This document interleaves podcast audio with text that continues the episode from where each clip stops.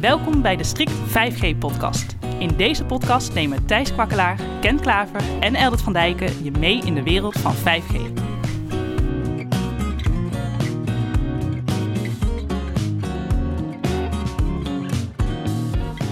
Dit is de Strict 5G podcast. Ik ben Thijs. Ik ben Eldert. En ik ben Ken. De belofte van 5G, die vele malen beter is dan 4G, hangt in Nederland heel nauw samen met de 3,5 gigahertz band. Even ter samenvatting, hoe zat het nou ook alweer met die 3,5 gigahertz band en waarom is die zo belangrijk en waarom hebben we die nog niet in, uh, in Nederland? Oh, mag ik? Mag ik? Jazeker. In principe is 5G bedoeld om hele hoge datasnelheden te bieden. En 5G kan dat op het moment dat er genoeg ruimte in de lucht is om al die data te versturen. Die ruimte is er niet op de band waar we nu 5G hebben, op de 700 MHz band. Die ruimte is er bijvoorbeeld voor een belangrijk deel wel in de 3,5 GHz band, als die beschikbaar is. En die ruimte komt er pas echt, en daardoor ook de superhoge snelheden, als we millimeter wave krijgen. Dus een hele hoge frequentie in de 26 gigahertz band in Europa. Die millimeterwave, daar hebben we het vandaag niet over, maar we hebben het over die 3,5 gigahertz band. En die 3,5 gigahertz band is een hele mooie uh, middenfrequentie waarmee je als eindgebruiker toch snelheden van boven de 1 gigabit per seconde kan halen. En dat is denk ik echt wel uh, ja, waarmee je een serieuze stap zet in datasnelheden. En Ken, waarom hebben we die 3,5 gigahertz dan nog niet in Nederland? Het heeft ermee te maken dat die 3,5 gigahertz band op dit moment nog voor andere doeleinden wordt gebruikt, voor een deel. er zijn wel private frequenties al uitgereikt uh, in die band, in bepaalde stukjes van die frequentieband. Die loopt van 3400 ongeveer tot 3800 megahertz. Ook voor 5G? Uh, wel voor privaat 5G hè, zijn er stukjes uitgegeven aan bedrijven die daar hun eigen oplossingen op uh, bedraaien. Uh, maar die licenties hebben een beperkte houdbaarheid tot 2026 maximaal. hangen de zeg maar, nieuwe ontwikkelingen zoals deze veiling. En waar we het nu over hebben is eigenlijk de veiling van dit stukje band, of deze band, dit hele bandstuk, voor mobiele operators. En ja, daar hebben we echt substantiële bandbreedte voor nodig, wat Eilert al zegt. Hè. Je hebt toch wel 300 megahertz nodig voor alle operators samen. midden in die band, daar zit Inmarsat. En Inmarsat is een bedrijf dat allerlei diensten verleent aan onder andere de scheepvaart voor noodcommunicatie. Hè, zodat ze in geval van een urgente noodoproep of weet ik veel wat, uh, midden op zee waar je verder, geen verbinding hebt, door middel van satellietcommunicatie je noodoproep kunt plegen. Ja, daar dat is, niet het enige wat Inmarsat overigens doet. Hè? Dat is het enige wat nu in de pers is. Dat is nu in de pers. Ja. Maar wat, hè, want daarmee scoren ze denk ik ook meer punten dat je zegt, nou ik doe echt aan noodcommunicatie. Daarnaast heeft Inmarsat gewoon commerciële diensten op een Beacon-satelliet, uh, BGAN, ja. uh, waarbij je overal ter wereld of op heel veel plekken in de wereld gewoon mobiele data kan versturen op plekken waar helemaal niks is. Dus ze hebben ook gewoon satellietcommunicatie voor commerciële toepassingen. Ja. En dat is waar de grootste inkomstenbron vandaan komt. Klopt. En daarnaast hebben ze die verantwoordelijkheid voor noodcommunicatie met schepen, inderdaad. Ja, en dat is urgent is, is dat ook wettelijk vastgelegd. Hè? Dat er taken ja. zeg maar, zijn voor, voor uh, Inmarsat om dat uit te voeren. Ja, die, die communicatie moet wel blijven gehandhaafd. Want anders hebben natuurlijk schepen en, en andere gebruikers een probleem. Als we de noodcommunicatie niet kunnen voeren. Dus die continuïteit is belangrijk. En uh, nu is even de vraag ja, hoe gaat die, uh, die, dat bandstuk eruit zien? Wat, wat gaat er met die Inmarsat-communicatie gebeuren? Nou, daar is onderzoek naar gedaan om te kijken van... kunnen we die continuïteit waarborgen... waarbij we tegelijkertijd de operators de mogelijkheid geven... om uh, hun 5G-systeem uit te rollen in die 3,5 gigahertz band. Dan gaan we zo meteen denk ik even verder kijken hoe dat dan eruit ziet. Wat, maar wat hoe is dat dan zijn. gekomen dat uh, Inmarsat, die zat natuurlijk al veel eerder op de 3,5 gigahertz band. Is er dan gewoon besloten vanuit de 3GPP... Uh, we gaan deze frequenties gebruiken en wie er ook op zit, maakt niet uit? Nou, eigenlijk is overal in het frequentiegebied wel uh, een gebruiker. Uh, en in het verleden is uh, voor satellietcommunicatie van de satelliet naar de aarde... is de 3,5 gigahertz band ook vaker gebruikt. Nou is dat gebruik redelijk beperkt. Hè. Dat zijn maar een paar gebruikers... ten opzichte van een hele grote groep mensen... die miljoenen mensen die straks van 5G gebruik maken. Dus toen men besloten heeft... nou, we hebben ruimte nodig voor hogere snelheden in 5G... Uh, laten we een band kiezen die niet te hoog en niet te laag is... en waar weinig bestaande gebruikers in zitten. Want in elke plek in de band zitten al gebruikers. En men moest denk ik kiezen tussen meerdere kwaden... en, en heeft men gekozen voor deze band. Waarmee je inderdaad een aantal huidige gebruikers... zoals de satellietcommunicatie, uh, wel in de weg zit. Ja, maar deze band is eigenlijk wereldwijd wel. Hè, om erbij, in het scheelt de ondergrens en de bovengrens is, is per land wel wat verschillend. Ja. Maar eigenlijk is de hele 3,5 gigahertz band voor 5G wel uh, nou ja, wereldwijd in gebruik of gaat worden gebruikt. Klopt. En de satellietgebruikers zijn ook al druk bezig om te migreren uit die band. Dus dat ze op basis van een andere radiofrequentie de communicatie tussen de satelliet en de grond uh, gaan doen. Dus daar, daar is ook Inmarsat zelf al heel druk mee bezig. Want hun nieuwste generatie satellieten zit niet meer in die frequentie. Maar ze hebben natuurlijk te maken, wat je al zegt, uh, de nieuwste generatie. Ze hebben nog te maken met de huidige generatie satellieten. Ja, de dingen hebben natuurlijk een, een levensduur van 15, 20 jaar. Je gaat niet zomaar even een nieuwe satelliet uh, lanceren. Dus je probeert je huidige assets, hè, satellieten zeg maar, zo lang mogelijk uit te nutten. Ja, dus een mobieltje heb je sneller vervangen dan een satelliet. Ja, dat is wel. zeker waar. Ja.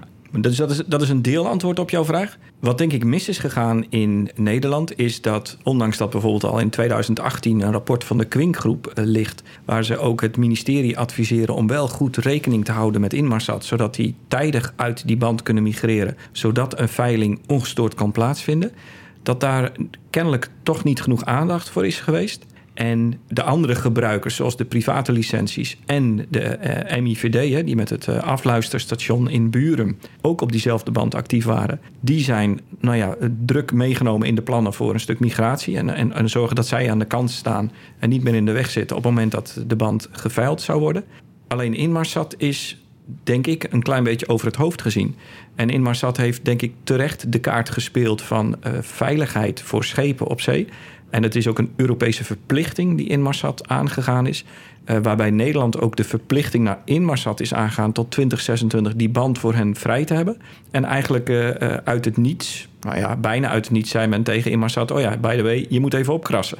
Dat Inmarsat zei van ja, maar wacht even, mogen we daar nog even een gesprek over voeren? En we hebben de wettelijke verplichting tenslotte.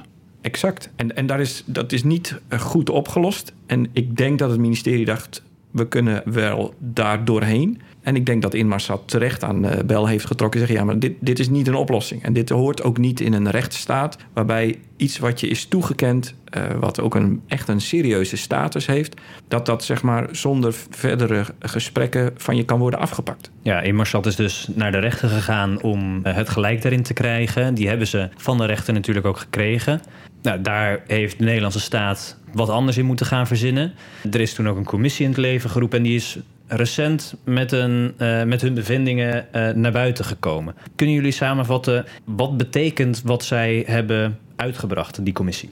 Ja, ze hebben natuurlijk gekeken naar een aantal aspecten. Ze hebben gekeken naar wat is het economisch belang van die band. Ze hebben gekeken wat zijn technologische uh, aspecten die hierbij komen kijken. Nou, zo langs een aantal assen hebben ze de problematiek in kaart gebracht. En nou, het heeft geleid tot een aantal conclusies en aanbevelingen. En de belangrijkste daarvan is dat we natuurlijk beide gebruikersgroepen, zowel de noodcommunicatie via Inmarsat als ook de mobiele operators, uh, zoveel mogelijk proberen te faciliteren. En er zijn een aantal modellen voor. Er zijn een aantal scenario's zijn er, uh, zijn er beschreven. Het ene scenario is we verhuizen Inmarsat uit die band. En daar is ook al een beoogde locatie voor. Ze zouden naar Griekenland verkassen, zeg maar. dat is mooi, maar dat kan natuurlijk niet zomaar ineens. Uh, want ja, je hebt dat dan een tijdelijke periode. Het zal nooit in één keer weggaan. De andere is, ja, dat heet dan coexistentie. Coexistentie, dat betekent dat je eigenlijk zowel Inmarsat als de mobiele operators tegelijkertijd in hetzelfde bandstuk actief probeert te houden. Maar dat betekent eigenlijk dat ze allebei een beetje moeten opschikken. En, en ja, je moet heel goed afspraken maken tussen partijen om te voorkomen dat ze elkaar gaan verstoren. Die twee hoofdscenario's, hè, dus of migreren of blijven bestaan in dezelfde band, ja, die, zijn, die zijn beschreven. En het voorkeursscenario is uh, inderdaad verhuizen. En dat gaat gefaseerd uh, gebeuren, dat is het plan. En ja, de aanbeveling is ook om zoveel mogelijk dat in goede harmonie te doen. Want ook al die gesprekken zijn een hele goede harmonie geweest. En dat wil je vooral zo houden. Want ja, als iemand een rechtszaak begint, dan gaan bij een andere partij vaak de haren overeind staan. Maar tot dusver is het kennelijk in, alle, in, goede harmonie gebeurd. En dit scenario is dus alle partijen omarmd. En zo gaan we het ook, uh, ook uitvoeren. Uh, maar goed, dat gaat nog wel enige tijd met zich, uh, met zich meebrengen. Het gaat Want even wanneer zou die migratie dan voltooid zijn? Dat we volledige beschikking hebben tot die 3,5 gigahertz band? Ja, er is nu genoemd januari 2024. Maar het is onduidelijk, want het is afhankelijk ja. van uh, toestemming die de Griekse overheid moet verlenen. Precies. Dus de richtdatum is 2024. Hè, dat, die staat ook genoemd in het rapport. Waarbij, eh, uitgaande van die datum, zou je in 2023 al de veiling kunnen doen. Hè, en dus nog niet uitrollen, maar wel alvast de verdeling van die frequenties over partijen en inschrijvingen en zo. Maar ja, inderdaad, je bent van een heleboel externe factoren afhankelijk. Waaronder dus toestemming en, en inrichting daar. En er kan van alles tegen zitten in zo'n traject. Zeker met de afstemming met buitenlandse overheden. Dus de eerste uitdaging uh, lijkt voor nu uh, in elk geval in een mooi scenario getackled. Uh, maar goed, dan is er nog de veiling en hebben de providers uh, een bepaald bandbreedte te verdelen. En ook nog het gedeelte wat voor privaat gebruik ingezet zou willen worden. Hoe ziet dat er dan uit? voor privaat gebruik eh, was in eerdere bandplannen sprake van een stukje van 50 MHz onder in de band en een stukje van 50 MHz boven in de band. Nadeel daarvan is dat je niet een aansluitend bandstuk hebt waarop je ja, eigenlijk wil je 100 megahertz hè, maximaal hebben om maximaal gebruik te kunnen maken van de bandbreedte die 3,5 gigahertz biedt. Daar haal je inderdaad die doorvoersnelheden die, die Eldert noemde, hè, van boven de 1 gigahertz, uh, gigabit per seconde. Uh, maar in 50 megahertz bandbreedte ga je dat technisch gezien ook niet, niet halen. Dus je wil eigenlijk een aangesloten, een ingesloten bandstuk. Daar is nu in de nieuwe rapportages wel in voorzien. De keuze is nog niet gemaakt of dat bandstuk helemaal onder in de band gaat zitten of helemaal boven in de band. Maar er is wel voorzien in een aansluitend bandstuk van 100 megahertz voor private ondernemingen om daar hun eigen 5G-omgeving in uh, te realiseren. En de resterende stuk is dus ja, voor de mobiele operators. Zo is het uh, bedacht. Waarbij in een interim situatie daar misschien nog in, Inmarsat in zal zitten. Maar na verloop van tijd gaat verdwijnen. Waardoor je dus het volledige stuk voor de mobiele operators hebt. Dus 300 megahertz voor de operators. En dan 100 megahertz voor private toepassingen. Ja, en het mooie is uit het rapport is dat ze uh, Inmarsat zit precies in het midden, zeg maar, ergens in die band, rond de 3600 megahertz. En uh, wat ze eigenlijk voorstellen is dat de mobiele operators allemaal een beetje inschikken. Dat iedereen uh, om en nabij de 70% van wat hij kan gebruiken, maar mag gebruiken om niet te storen op Inmarsat. Hè, totdat Inmarsat helemaal verhuisd is. Alleen dat is wel een heel aparte situatie. Uh, want de private netwerken krijgen dan wel de volledige bandbreedte, maar de operators niet helemaal. Dus dat vind ik wel een hele bijzondere conclusie. Uh, want eigenlijk zou je ook nog een alternatief kunnen verzinnen dat de mobiele operators wel allemaal 100 megahertz krijgen en dat de private netwerken maar moeten inschikken. Maar daar is in eerste instantie niet voor gekozen. En het voorstel is inderdaad gedaan om 100 megahertz onderin vrij te maken. Want dat komt zo lekker uit met Defensie en met uh, andere... Uh, ja, er zit nog wat amateur satellietcommunicatie ook onderin bij de 3400. Uh, en dat je daar als private netwerken dan maar wat meer en makkelijker misschien ook rekening mee kan houden. Alleen waar ik wel een lans voor wil breken is dat het Duitse model, waarbij ze de bovenste 100 megahertz hebben toegekend voor private netwerken, dat we dat ook in Nederland gaan doen. Want we hebben ook al eerder uh, op diverse manieren gepubliceerd en geschreven uh, dat die afwijkende modellen het heel erg lastig maakt in de grensstreken. En die grensstreken is zelfs 50 kilometer groot Nederland in. Op het moment dat je dat niet heel goed afstemt tussen Duitsland en Nederland, of tussen Nederland en Duitsland, dan heb je gewoon problemen in de functie van je netwerk. Dus dan is die synchronisatie, als dat niet perfect geregeld is, dan ga je allerlei verstoringen krijgen in de verbinding. Dus je kunt wel zeggen, nou, we gaan het gewoon in Nederland dit doen en uh, we bemoeien ons niet wat met uh, buitenland uh, gebeurt of wat Duitsland doet. Maar dat gaat, die vlieger gaat niet op in 5G. Dus je moet daar echt rekening mee houden. Ik weet niet of daar ook vanuit Agentschap Telecom iets van gevonden wordt. Dat zal ongetwijfeld, want ik weet dat die verplichting tot synchronisatie er ook is binnen Nederland. Ja, tot nu toe is dat niet gedaan met de huidige private netwerken. Maar op het moment dat we met z'n allen in die band serieus data gaan versturen, moeten de private netwerken zich houden aan de synchronisatie, maar ook aan de up- en down verhoudingen van de publieke operators. En dat vind ik eigenlijk wel, en dat is een ander punt, dat vind ik eigenlijk wel heel jammer. Want de, dat dat moet, hè, dat dat technisch moet. Vanwege het feit dat heel veel private netwerken hebben eh, behoefte in veel uplink te versturen. Als je bijvoorbeeld videocamera's uh, ter bewaking overal over je complex hebt staan of andere data, dan stuur je data naar het netwerk toe. Dat is typisch een toepassing van private netwerken. Terwijl de publieke mobiele diensten, hoe wij ook als gebruiker van onze smartphone gebruik maken, wij doen veel meer download dan upload. En dat zorgt wel op het moment dat je voor private netwerken met diezelfde beperking zit als publieke netten, ja, dat het wel uitdagender is om alles te bouwen. Maar goed, het, het gaat even niet anders. Je zit met z'n allen in eenzelfde gebied. En je moet je gewoon met z'n allen aan de regels houden. Het is hetzelfde, zeg maar, als je met z'n allen over een vierbaanse snelweg rijdt. Je kunt wel zeggen van nou, één baan maak ik vrij, vrij voor uh, private gebruikers. En wat die doen, maakt niet zoveel uit. Maar ja, die vliegen gaat niet op. Stel dat mensen in die ene baan enorm aan het slingeren zijn. Ja, dan brengen ze toch het verkeer in de andere rijstroken in gevaar. Zou je er dus een uh, geleiderrail tussen moeten plaatsen? Lees uh, een guardband. Zou, ja, dan, dan, waardoor je eigenlijk de frequenties een beetje scheidt. Dan heb je daar minder last van. Ja, maar dan, dan moet iemand inleveren in de ja. breedte van zijn rijstrook. Ja. Uh, dus dan kunnen er bijvoorbeeld geen vrachtwagens meer rijden bij de mobiele operator. En, da, en dat heeft ook echt wel substantiële nadelen. Kijk, want als wij, wij, ik zeg de private gebruikers, uh, boven in die band zouden zitten, uh, dan zou je eigenlijk aan de onderkant daarvan zou je een guardband willen hebben ter afscheiding van de mobiele operators. Ja. Maar aan de bovenkant is dat dan niet nodig. Wellicht. Ik weet niet wat daar verder boven zit. Hè. Ik weet dat daar iets met, met vliegtuigen zit volgens mij en zo. Dat bandje wat nu ook door Defensie in gebruik is. Ja. Die, die 3,8 tot 4,2 uh, gigahertz. Uh, maar als Duitsland, hè, onze grensregio, daar moet je dan wel mee afstemmen. Want als je natuurlijk in het grensgebied je hebt 50 kilometer overlap, daar moet je dus ook die up- en downlink eh, dingen mee, mee eh, verhoudingen mee afstemmen. Netwerken Ja. synchroniseren. Dus hoe dan ook heb je of met je mobiele operators in eigen band te maken, of met private eh, bedrijven die in de grensstreek opereren. Net en dan de Duitse grens, aan de Duitse kant. Ja, nou ja, en dan ook een nieuwtje. We hebben bij Strict nu ook een, een 5G-zender eh, aangeschaft... die ook in die 3,5 gigahertz-band eh, kan uitzenden. Wij hebben er eigenlijk eh, voor gekozen om die bovenste 100 megahertz te kiezen. Dus uit te gaan van het Duitse model. Dus dat die bovenste 100 megahertz van de band beschikbaar komt voor private netwerken. Dus we hebben nu ook een zender met een behoorlijk eh, aantal eh, antenne-elementen. Dus het is een, Massive MIMO-antenne heet het dan ook. Met 64 antenne-elementen.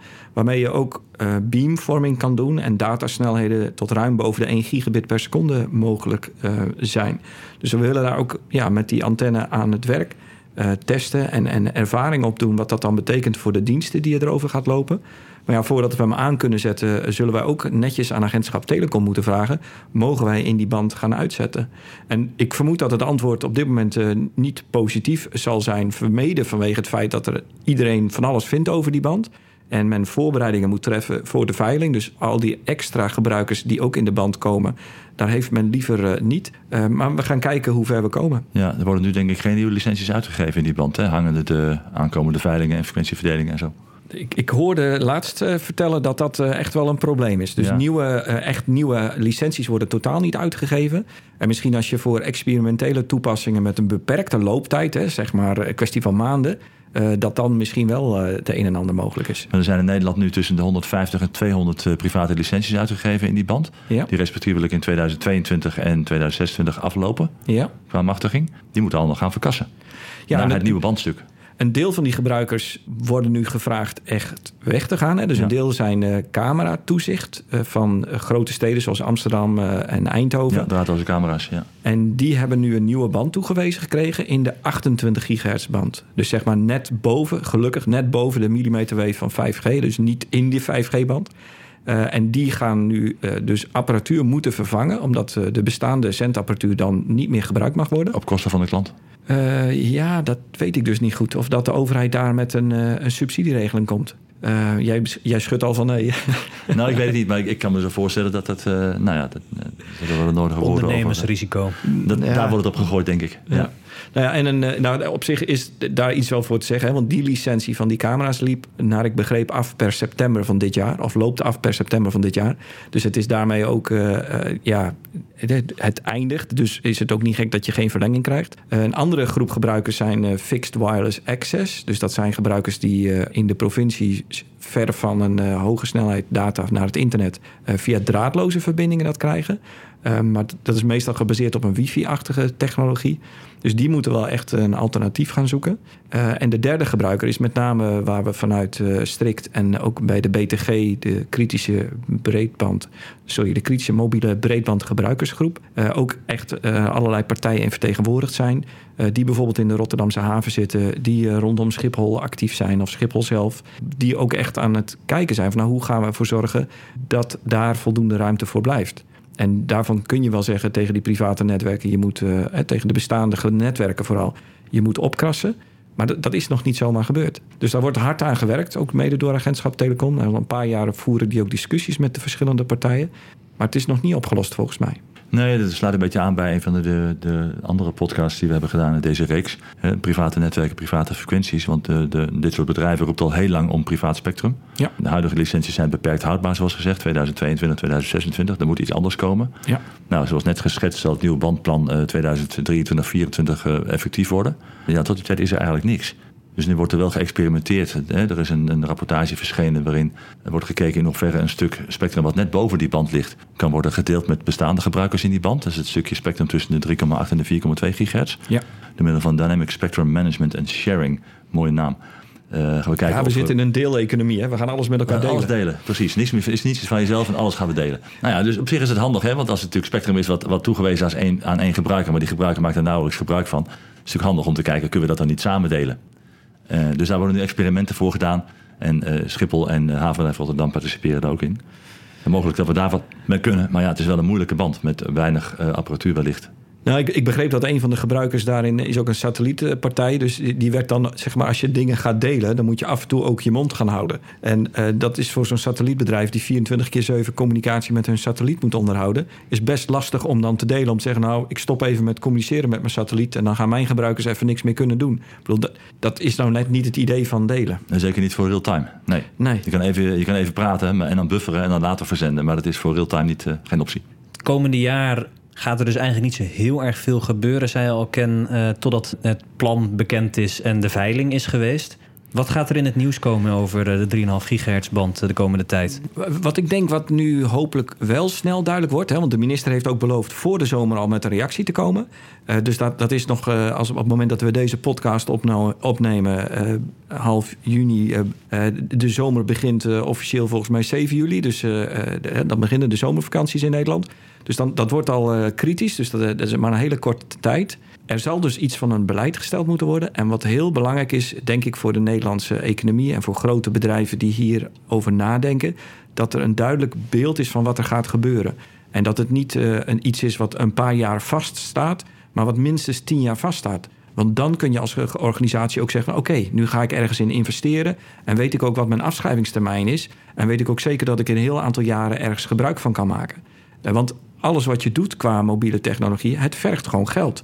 Dus je wil ook zekerheid hebben over dat je een bepaalde tijd plezier hebt van de investering die je gaat doen. Wat ik echt op hoop, is dat duidelijk wordt van waar dat 100 megahertz stuk komt. Ja, boven, dus, boven of onder in de band. Exact. En, en dat is ook de reden dat we die zender al hebben aangeschaft met het idee, de bovenste 100 megahertz gaan wij gebruiken dus ik ga ook agentschap Telecom benaderen met die vraag: mogen we dat stuk? Want dat is het meest logisch binnen Europa. Uh, en laten we vooral harmoniseren over de grenzen heen. En niet te veel kijken naar wat de huidige gebruikers nu ervan vinden. Of wat zo makkelijk is om nu vandaag de dag in te richten. Maar veel meer naar de toekomst kijken.